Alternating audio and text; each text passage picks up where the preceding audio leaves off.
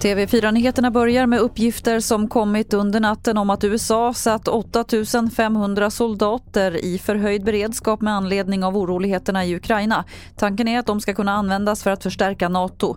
Samtidigt görs många försök att undvika en militär konfrontation.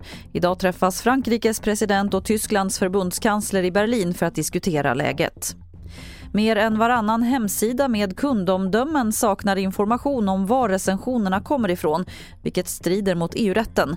De uppgifterna kommer fram i en ny rapport från Konsumentverket att man kanske inte har fått information om hur ett betygssystem fungerar, att man inte har fått information om att det finns betalda recensioner, att det kanske är en anställd som har skrivit en recension.